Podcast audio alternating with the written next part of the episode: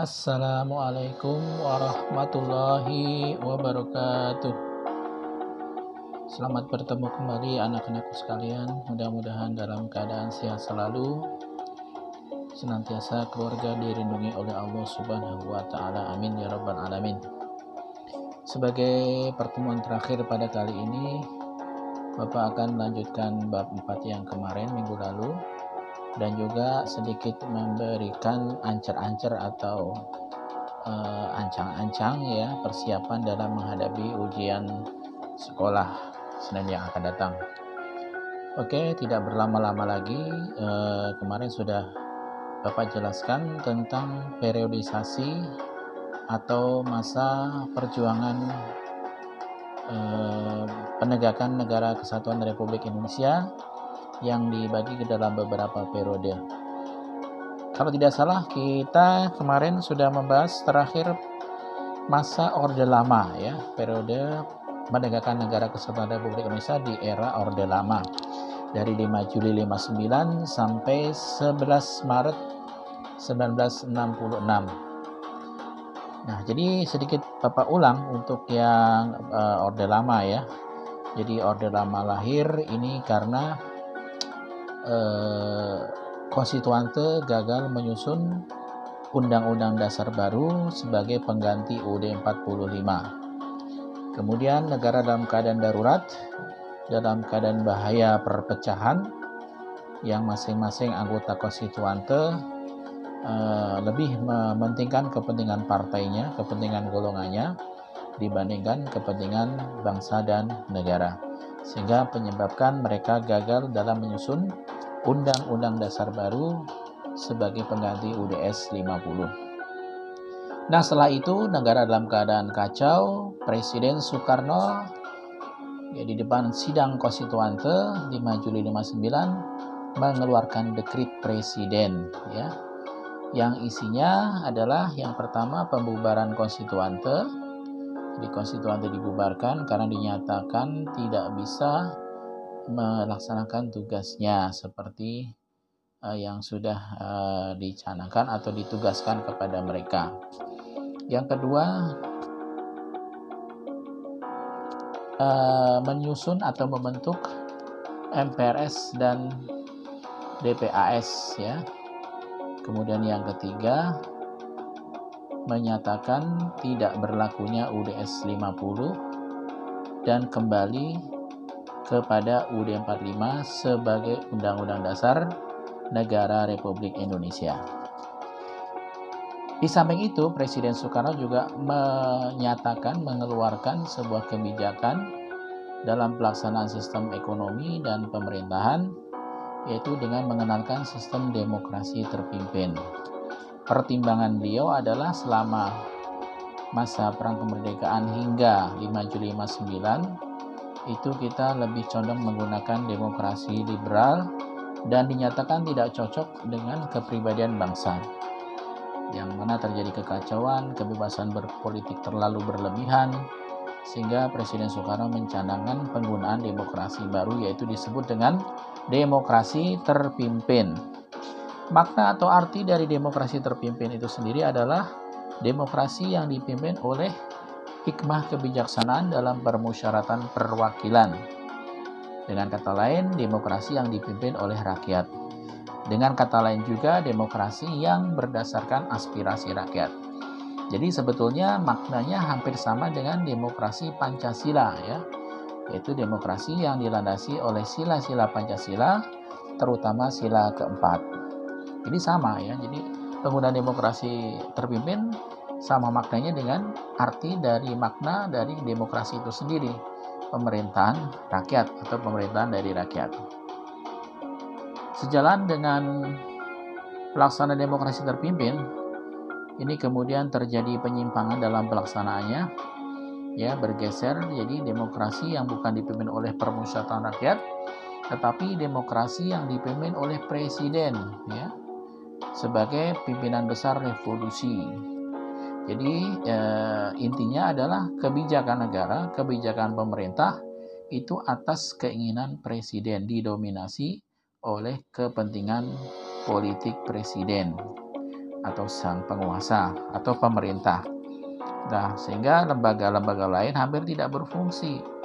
Ada tapi seolah-olah tiada. DPR sebagai lembaga legislatif juga uh, tidak berfungsi maksimal. Bahkan hampir tidak ada fungsinya ya.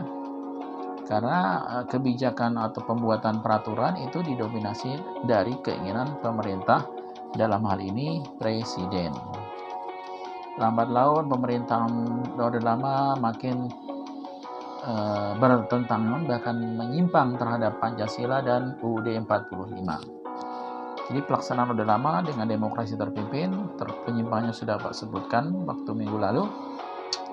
Yang pertama dibubarkannya DPR hasil pemilu dan diganti dengan DPR GR atau gotong royong yang anggotanya diangkat dan diberhentikan atau ditunjuk oleh presiden. Jadi bukan melalui pemilu ya seperti tahun 55. Jadi begitu berkuasanya sang presiden hingga bisa membubarkan DPR hasil pemilu dan membentuk DPR sendiri atau disebut dengan DPR GR atau gotong royong.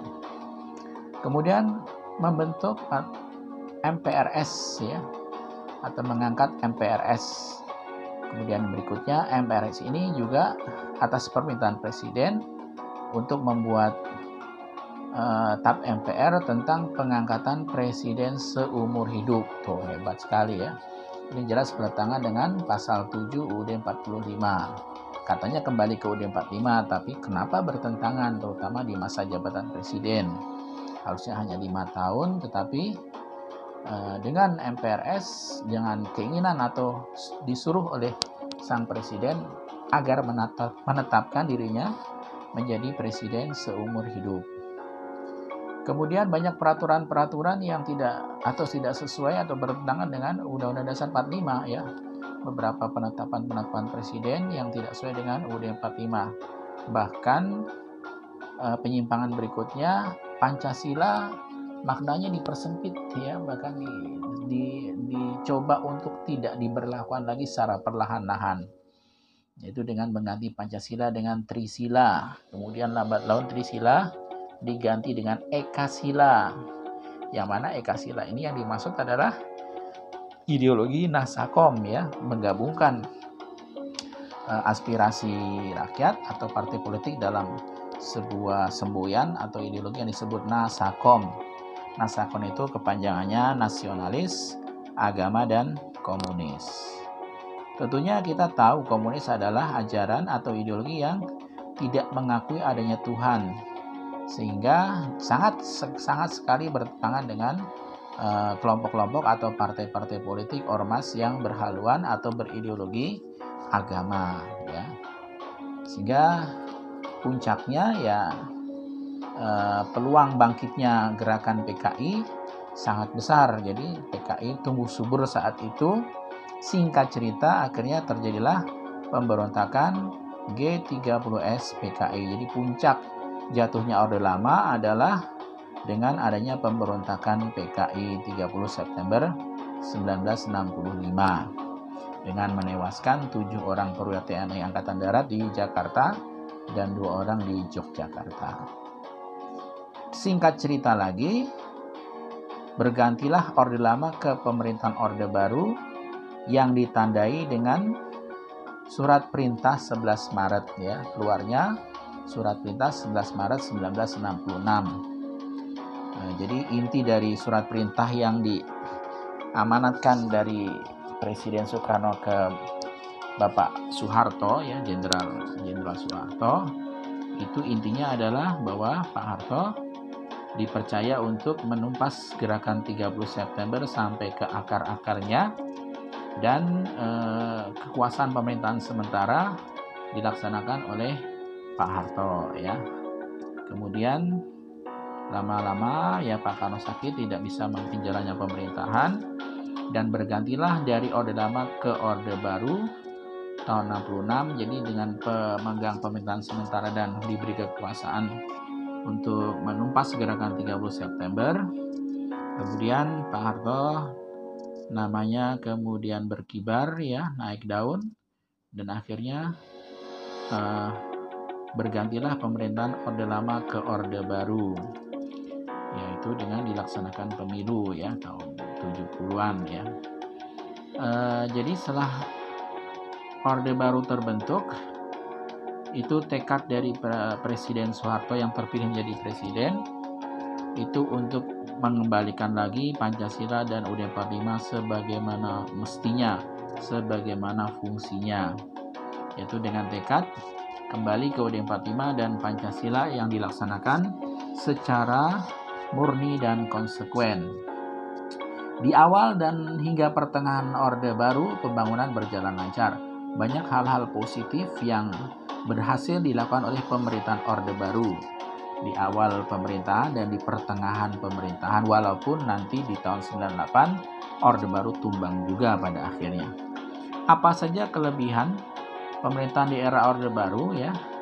Yang pertama waktu itu inflasi dapat ditekan ya menuju masyarakat yang lebih sejahtera dengan pendapatan per kapita, makin tahun makin naik.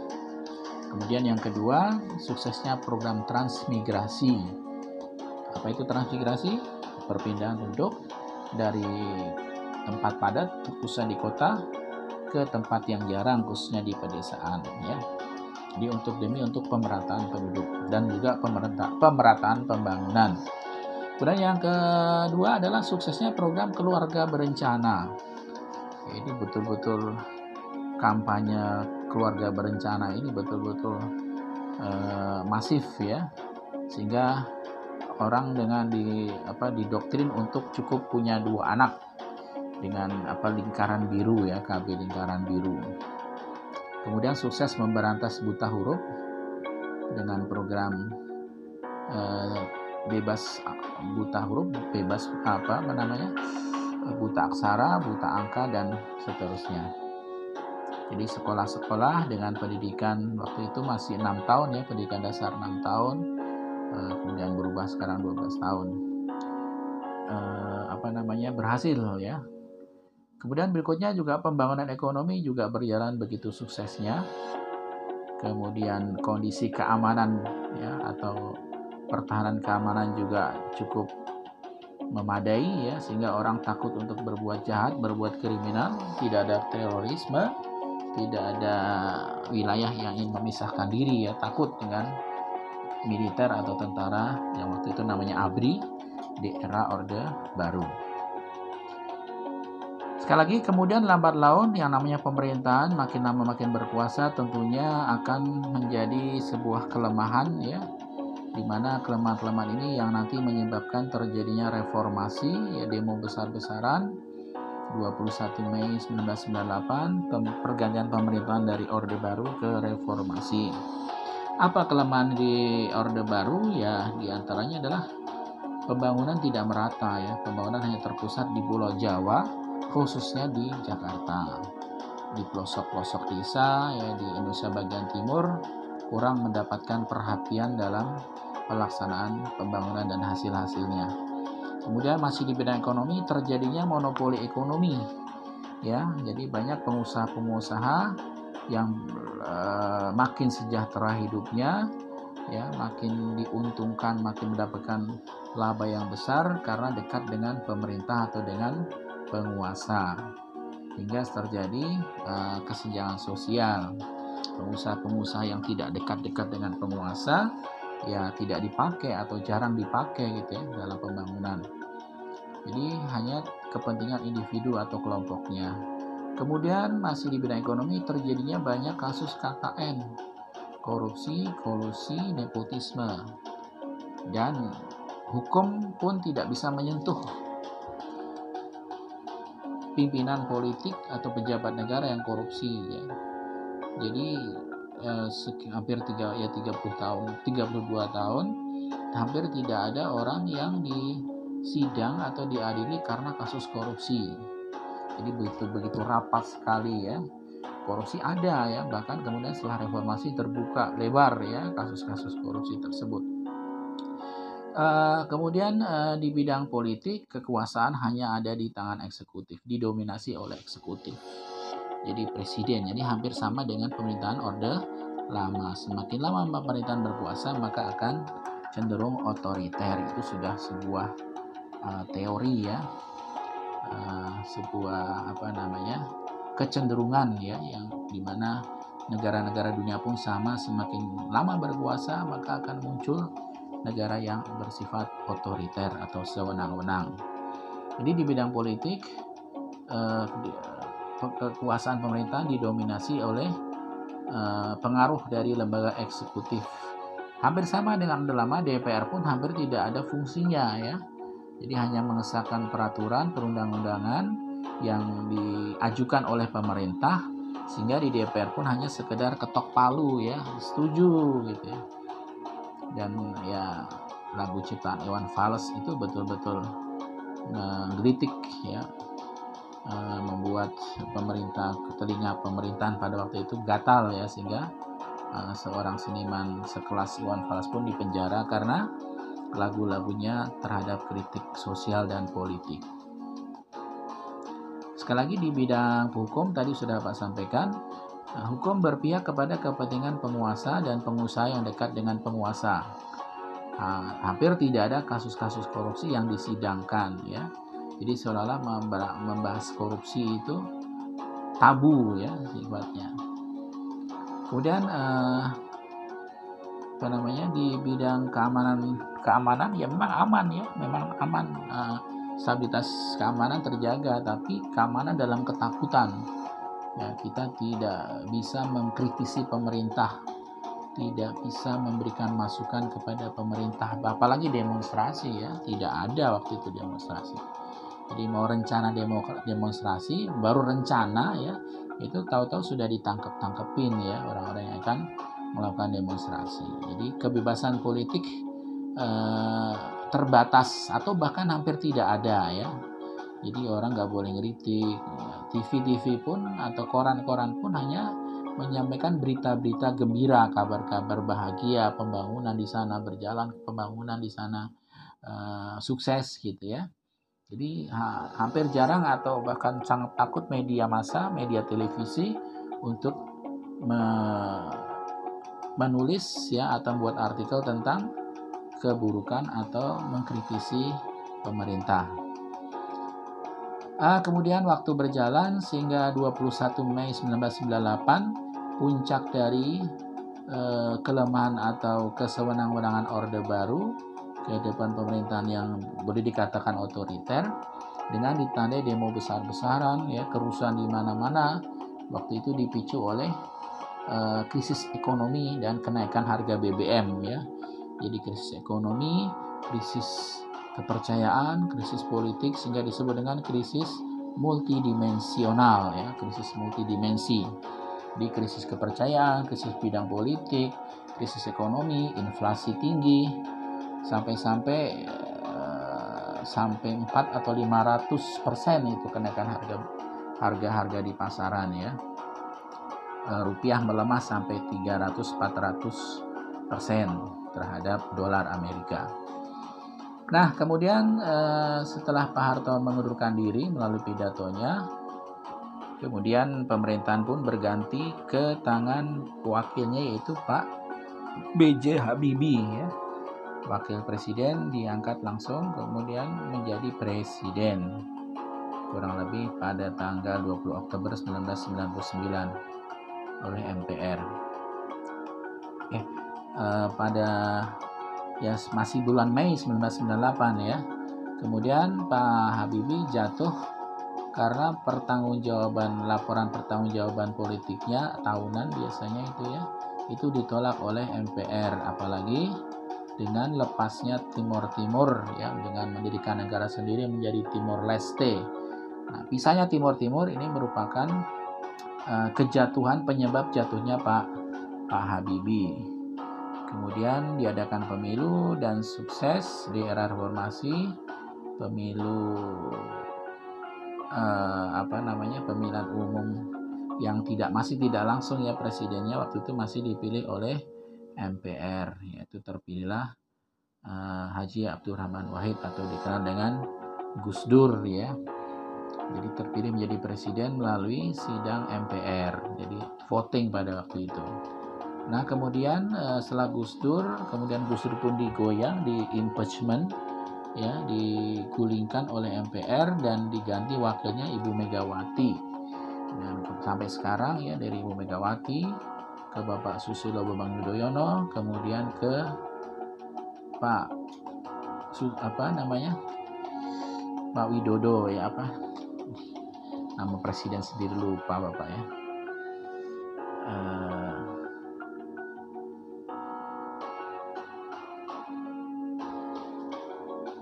Oke Pak Joko Widodo. Ah lu susah amat nyebutin. Ya Pak Joko Widodo nah sampai sekarang sudah dua periode nah kemudian di era reformasi banyak keberhasilan keberhasilan yang dicapai di antaranya di bidang politik ya tadi dengan berhasil dilaksanakan pemilu secara langsung baik kepala daerah maupun presiden ya presiden atau sebagai kepala pemerintahan. Jadi pemilu e, berjalannya demokrasi dengan pemilu secara dan pilkada secara langsung. Kemudian kekuasaan eksekutif dan legislatif mulai berimbang ya sesuai dengan proporsinya 50-50 gitu ya kalau di era Orde Baru dan Orde Lama kan kekuasaan eksekutif yang lebih dominan tapi di era reformasi ini diupayakan antara eksekutif pelaksana pemerintahan dan legislatif membuat peraturan undang-undang itu mempunyai kekuasaan yang seimbang. Kemudian adanya undang-undang, banyak undang-undang dibuat sebagai jaminan atas hak asasi manusia dan hak-hak warga negara. Jadi banyak peraturan undangan yang dibuat untuk melindungi hak asasi manusia. Bahkan pasal-pasal ayat-ayat dalam UUD 45 pun ditambah yang berkaitan dengan jaminan hak asasi manusia. Kemudian adanya amandemen UUD 45 sebanyak 4 kali ya, 1999, 2000, 2001 dan 2002 yaitu merevisi pasal-pasal ayat-ayat yang sekiranya uh, bertentangan dengan sistem demokrasi atau uh, tujuan pembangunan kita ya. Jadi seperti pasal 7 dulu masa jabatan presiden 5 tahun dan sesudah itu dapat dipilih kembali titik ya sehingga dimanipulasi oleh orde baru yang menyebabkan Pak Harto menjadi presiden hampir seumur hidup ya setiap uh, pemilu setelah pemilu kemudian Presiden Soeharto diminta kembali untuk menjadi presiden sampai ketujuh kalinya kalau nggak salah ya sampai ketujuh kalinya.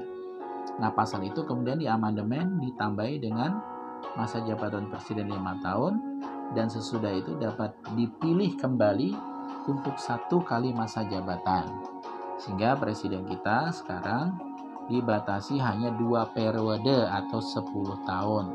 Ya PSBY 10 tahun Pak Jokowi ya kemungkinan nanti bisa sampai 10 tahun.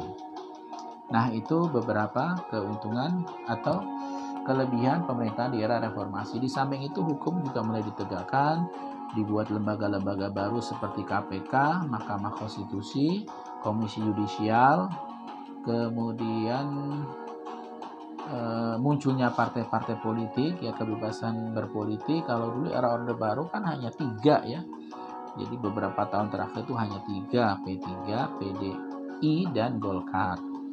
Nah sekarang bebas untuk mendirikan partai politik. Ya, keberikan, diberikan kebebasan untuk menyampaikan saran dan kritik kepada pemerintah baik melalui media pers, media massa maupun langsung atau melalui surat ya atau melalui ya demonstrasi pun silahkan dengan cara-cara yang baik. Jadi uh, di antaranya itu kelebihan order baru, kemudian banyak sekali ya silahkan nanti kalian baca referensi-referensinya uh, apa namanya uh, yang ada di buku paket atau LKS atau buku-buku lain. Ya, demikian penjelasan untuk Bapak. Bapak nyatakan selesai dan uh, silakan persiapkan pelajari uh, dengan rajin udah materi US itu dari uh, kelas 10, kelas 11 dan materi-materi kelas 12 ya.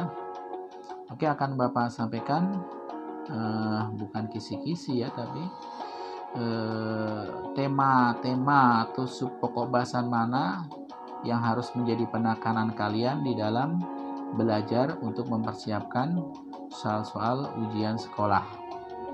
Ya, boleh dicatat ya kalian eh, apa namanya? Kalian ulang-ulang di Spotify. Nanti dicatat satu persatu dan dipelajari. Uh, Bapak tidak menyebutkan urutannya karena ya nanti memang tidak bernomor ya. Jadi uh, apa saja pokok-pokok bahasan yang uh, akan keluar di ujian sekolah. Bukan kisi-kisi ya kalau kisi-kisi itu uh, menjurus kepada soalnya indikator soalnya nggak boleh itu ya. Jadi uh, yang pertama kalian pelajari tentang lembaga-lembaga negara ya. Lembaga negara kita itu ada presiden DP, BPK MPR DPR DPD MA ya. Kalian pelajari eh, apa namanya tugas-tugasnya. Kemudian kalau perlu dibaca skemanya skema susunan lembaga negara kita. Kemudian berikutnya eh, tugas-tugas ya tugas-tugas dari lembaga negara tugas dan wewenangnya. Nah, selanjutnya adalah eh, apa itu negara negara dengan sistem desentralisasi sentralisasi pembagian kekuasaan ya pembagian kekuasaan secara vertikal. Ya sudah kita ketahui bersama kita dibagi secara vertikal itu mulai dari pemerintah pusat di Jakarta ya dipimpin oleh seorang presiden dibantu oleh DPR dan lembaga lain. Kemudian dibagi lagi menjadi provinsi-provinsi provinsi dibagi lagi menjadi kabupaten kota kabupaten kota yang dibagi menjadi camat kecamatan kecamatan dibagi menjadi desa atau kelurahan. Ya. Kemudian penggolongan-penggolongan hukum ya. Ini juga kalian pelajari dengan baik. Penggolongan-penggolongan hukum itu ada banyak sekali. Ada menurut wilayah berlakunya, waktu berlakunya, wujudnya, masalah yang diaturnya, bentuknya, cara mempertahankannya dan masih banyak lagi. Nah, itu kalian pelajari ya. Kemudian selanjutnya adalah tentang eh, kasus-kasus pelanggaran HAM. Ya, kasus-kasus pelanggaran HAM. Uh, mana yang merupakan kasus biasa, mana yang merupakan kasus pelanggaran HAM berat, kemudian peradilan yang menyidangkan pelanggaran HAM tersebut apa namanya misalnya ya. Jadi sampai kepada pengadilannya silahkan dipelajari. Di kasus-kasus pelanggaran HAM eh, kalian baca kriteria HAM berat itu apa saja HAM yang yang se, HAM biasa pelanggaran HAM biasa itu apa saja. Kemudian juga dasar hukum dasar-dasar hukum dari eh, HAM ya dari pelaksanaan dan pelanggaran HAM kasus-kasus HAM ya dasar hukum itu bisa di, kalian jumpai di UUD 45 di pasal-pasalnya atau di undang-undang tentang HAM. Kemudian selanjutnya adalah contoh-contoh pelanggaran HAM yang diterapkan dengan sila-sila Pancasila ya. Ya, bisa yang Bapak keluarkan bisa sila ke-1, bisa sila kedua, bisa sila ketiga, empat atau lima ya. Jadi kita nanti akan menganalisa contoh perbuatan pelanggaran HAM yang melanggar sila-sila Pancasila. Kemudian contoh-contoh pelaksanaan ini Bapak jadikan satu contoh penegakan HAM, pelanggaran HAM baik di lingkungan rumah, keluarga, sekolah, masyarakat, bangsa dan negara. Ya nanti nanti kalian menganalisa sebuah contoh kasus, nah itu merupakan eh, pelanggaran apa gitu ya Kemudian eh, bab berikutnya atau materi berikutnya tentang integrasi nasional ya. Integrasi nasional atau ya negara kesatuan ya. Itu eh, bisa kalian pelajari misalnya seperti tujuan negara kesatuan, kemudian eh, faktor pembentuk negara kesatuan, faktor eh, yang menyebabkan perpecahan, Nah, itu silahkan dipelajari. Kemudian berikutnya adalah konsep wawasan Nusantara.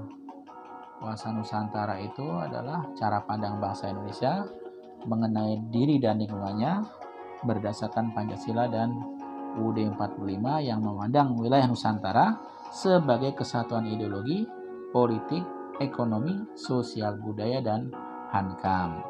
Ini aspek-aspek dalam puasa Nusantara kalian pelajari ya, seperti aspek ideologi, politik, ekonomi, sosial budaya, dan hankam. Nah, ada istilah-istilah nanti ada. Pancaga, pancagatra ya trigata trigatra ya trigatra itu apa saja? Pancagatra itu apa saja? Oke untuk selanjutnya adalah uh, tadi uh, perkembangan per, mempertahankan negara kesatuan dari masa ke masa ya yang barusan kita pelajari baik itu masa demokrasi liberal masa revolusi, masa orde lama, orde baru dan reformasi. Mana yang keluar ya kalian pelajari saja semuanya ya. Bapak tidak menunjukkan ke arah soal mana yang keluar gitu. Kemudian juga pelaksanaan demokrasinya ya, ada demokrasi Pancasila, demokrasi liberal, demokrasi terpimpin ya, atau demokrasi Pancasila di era reformasi. Kemudian masih tentang HAM ya, kasus pelanggaran HAM yang bertentangan dengan sila-sila Pancasila. Selanjutnya adalah mengenai eh, penyelenggaraan daerah otonomi atau otonomi daerah. Nanti kalian pelajari apa itu daerah otonomi ya atau otonomi daerah. Kemudian asas-asas seperti desentralisasi, sentralisasi, tugas perbantuan. Selanjutnya adalah dampak positif dan negatif pengaruh iptek. Nah, lebih banyak kepada contoh-contoh ya nanti kalian menganalisa termasuk apa ya. Dampak positif atau negatif di bidang ekonomi, sosial budaya, politik, hukum dan hankam bahkan ideologi ya. Jadi dampak-dampak pengaruh iptek baik yang positif maupun negatif di berbagai bidang. Selanjutnya adalah uh, kalian akan disuruh uh, menunjukkan dengan berbagai statement ya, menunjukkan bagaimana sih cara mempertahankan negara RI gitu ya. Jadi ada statement-statement yang uh, menunjukkan bagaimana cara mempertahankan negara RI dan itu tidak ada di teori jadi kalian hanya harus menganalisanya. Jadi tidak bisa dihafalkan gitu ya. Kemudian mempelajari atau kalian silakan pelajari tentang sistem-sistem pemerintahan di berbagai negara ya ada sistem demokrasi ada sistem absolut atau otoriter dan seterusnya Kemudian batas-batas wilayah negara. Ya kita Bapak kasih sedikit materi ya batas wilayah negara secara umum ada batas udara, batas daratan dan batas laut. Mana yang akan keluar ya pelajari saja ya. Apakah yang batas darat ataukah batas laut ataukah batas udara. Ya batas laut sendiri dibagi menjadi batas eh, luas area dan batas kedalaman ya. Luas area itu ada zona ekonomi eksklusif paling jauh. Kemudian ada zona teritorial landas kontinen dan seterusnya.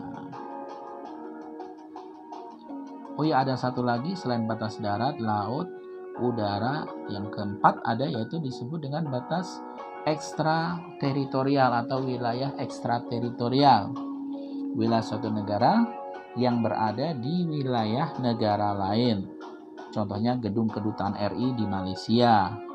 Contohnya lagi kapal berbendera Indonesia berada di perairan Australia. Nah, itu termasuk wilayah negara Indonesia ya. Kalau terjadi tindak pidana ya harus diadili melalui pengadilan Indonesia ya, undang-undang di Indonesia. Nah, silakan diingat-ingat kembali itu apa daerah ekstrateritorial. Kemudian selanjutnya adalah uh, bagaimana cara-cara ini juga nanti kalian menganalisa ya cara tidak bisa dihafalkan harus menganalisa dari beberapa pernyataan cara mempertahankan negara persatuan dan kesatuan Uh, kemudian berikutnya tentang organis organisasi internasional baik multilateral, regional maupun bilateral ya. Organisasi multilateral seperti PBB, OPEC, non-blok ya, organisasi regional seperti ASEAN, ya, APEC ya, ekonomi yang berdasarkan area, uh, NATO ya, kemudian organisasi internasional PBB tadi bilateral ya misalnya uh, perjanjian uh, apa namanya batas wilayah laut antara Indonesia dengan Malaysia. Jadi hanya dua negara. Berikutnya adalah kasus-kasus pelanggaran HAM berat di Indonesia terutama yang dilakukan oleh pemerintahan era Orde Baru ya. Jadi eh, seperti kasus Tanjung Priok kasus Marsina, kasus Trisakti, kasus Kedung Ombo, Waduk Kedung Ombo ya, kasus Tanjung juga, uh, Munir ya, dan masih banyak lagi. Kemudian masih tentang hak dan kewajiban ya, uh, contoh pengingkaran kewajiban atau pengingkaran hak atau pelaksanaan hak atau pelaksanaan kewajiban. Nah, mana yang keluar ya? Ya silahkan pelajari lebih lanjut. Jadi ada pelaksanaan kewajiban, pelaksanaan hak, ada pengingkaran kewajiban, ada pengingkaran hak ya. Nah, berikutnya masih mengenai kasus pelanggaran HAM nanti akan disajikan sebuah kasus kalian disuruh menganalisanya uh, selanjutnya masih sedikit lagi yaitu yang tadi Bapak sampaikan kelebihan dan kelemahan pelaksanaan pemerintahan khususnya ya apakah itu di era Orde Lama, Orde Baru maupun reformasi. Apakah itu di pelaksanaan demokrasi liberal, demokrasi terpimpin ataupun demokrasi Pancasila ya. Sekali lagi kelebihan dan kelemahan era pemerintahan Orde Lama, Orde Baru dan Reformasi atau uh, di era demokrasi perkembangan demokrasi dari liberal terpimpin dan Pancasila. Mana yang keluar ya silahkan dipelajari itu semua. Kemudian masih mempertahankan negara kesatuan ya. E, waktu di kelas berapa ya itu? Kelas 12 ya ancaman ancaman apa e, yang bisa menyebabkan rusaknya persatuan dan kesatuan. Ancaman negara Republik Indonesia. Ancaman-ancamannya ada yang militer dan nir militer ya. Ada yang berbentuk e, serangan adapun yang berbentuk tidak tampak tidak kelihatan ya seperti ancaman di bidang ideologi, sosial budaya, politik, ekonomi. Nah itu disilahkan dipelajari. Uh, selanjutnya adalah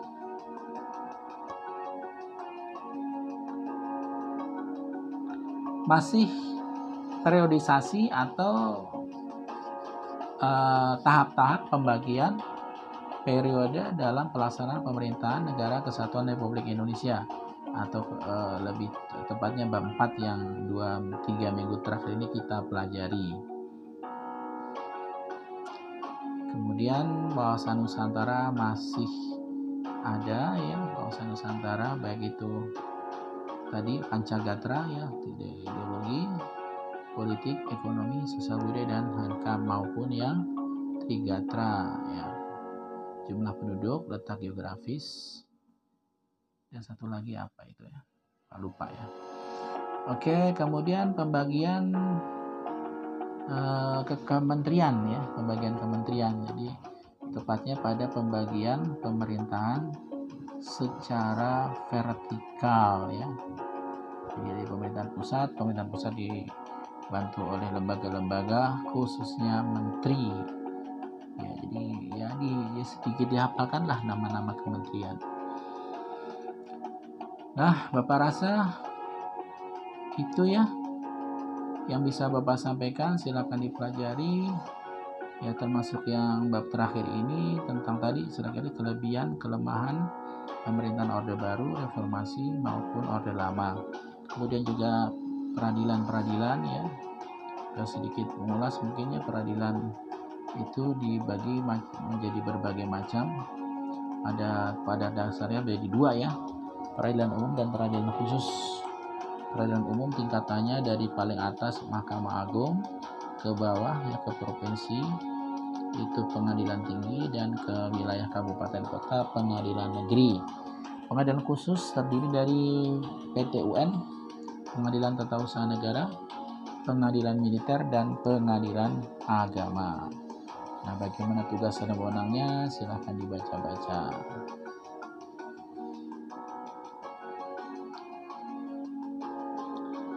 Oke, itu yang bisa Bapak sampaikan. Silahkan pelajari. Jangan lupa berdoa, sholat ya, supaya diberi kemudahan oleh Allah Subhanahu Taala, supaya dapat hoki gitu ya. Jadi supaya apa yang kalian baca itu keluar 90% atau 100% gitu ya. Jadi kan kadang faktor faktor hoki itu ya perlu ya. Gimana cara supaya dapat hoki?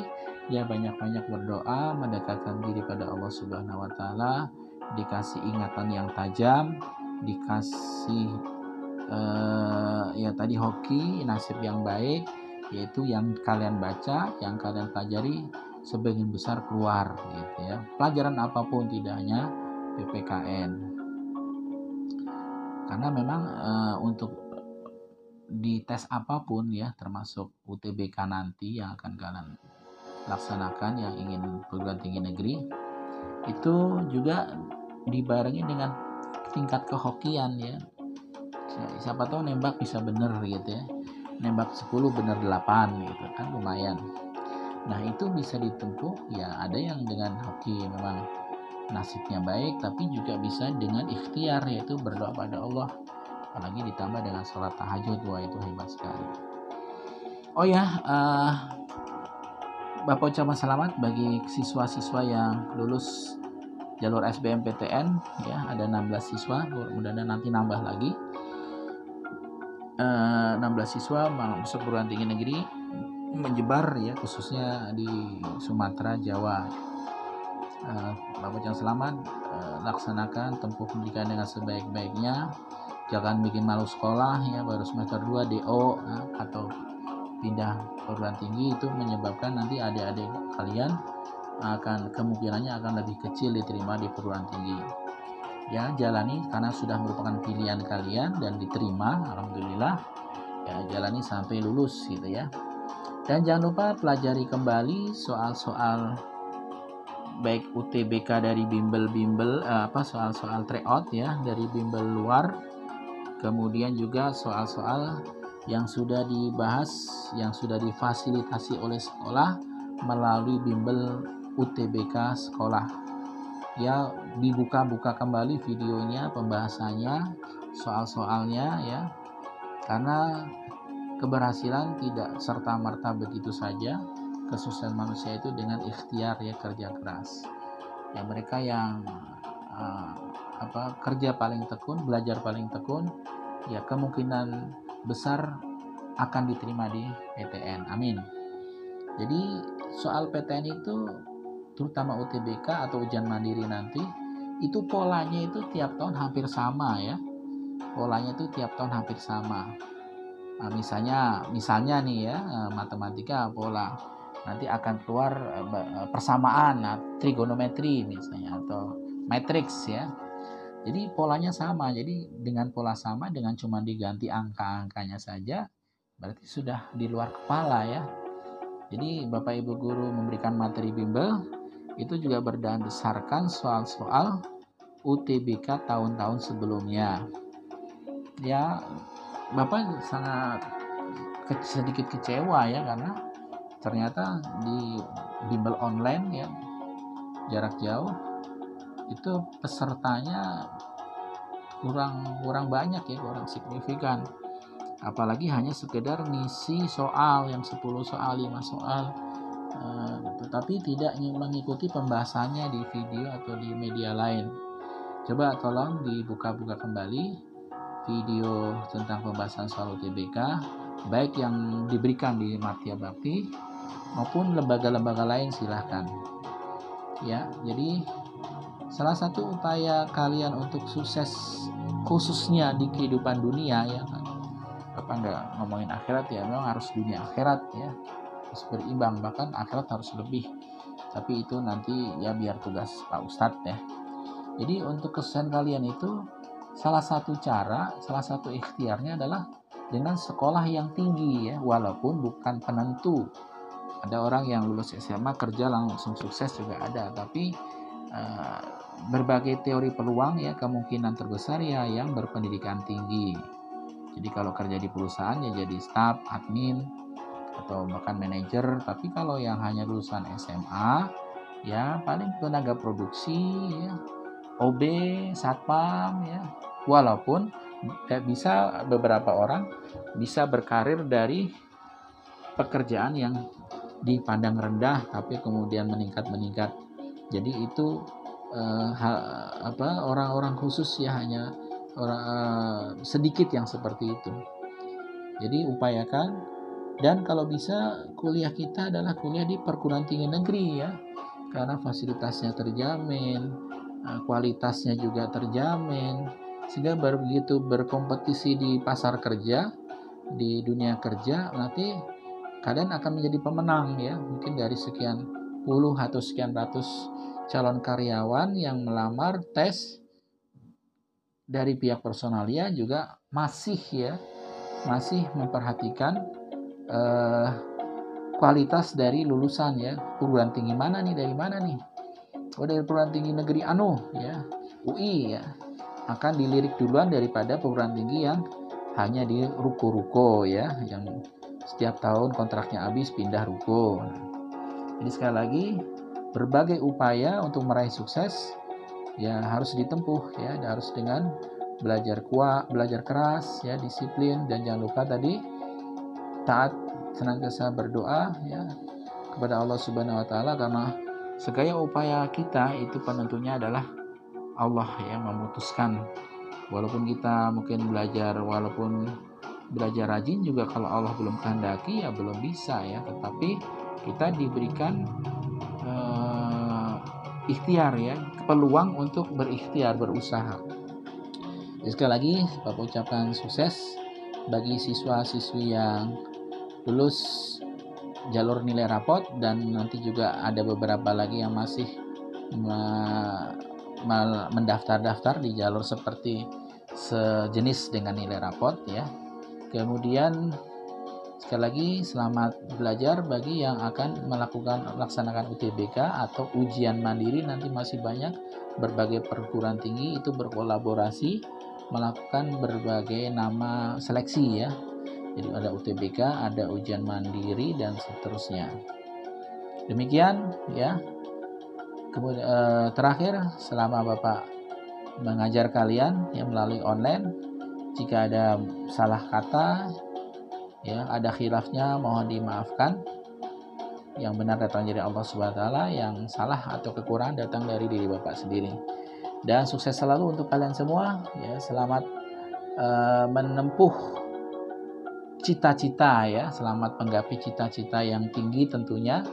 Dan salam buat keluarga dan orang tua di rumah. Wabillahi taufiq wal hidayah. Wassalamualaikum warahmatullahi wabarakatuh.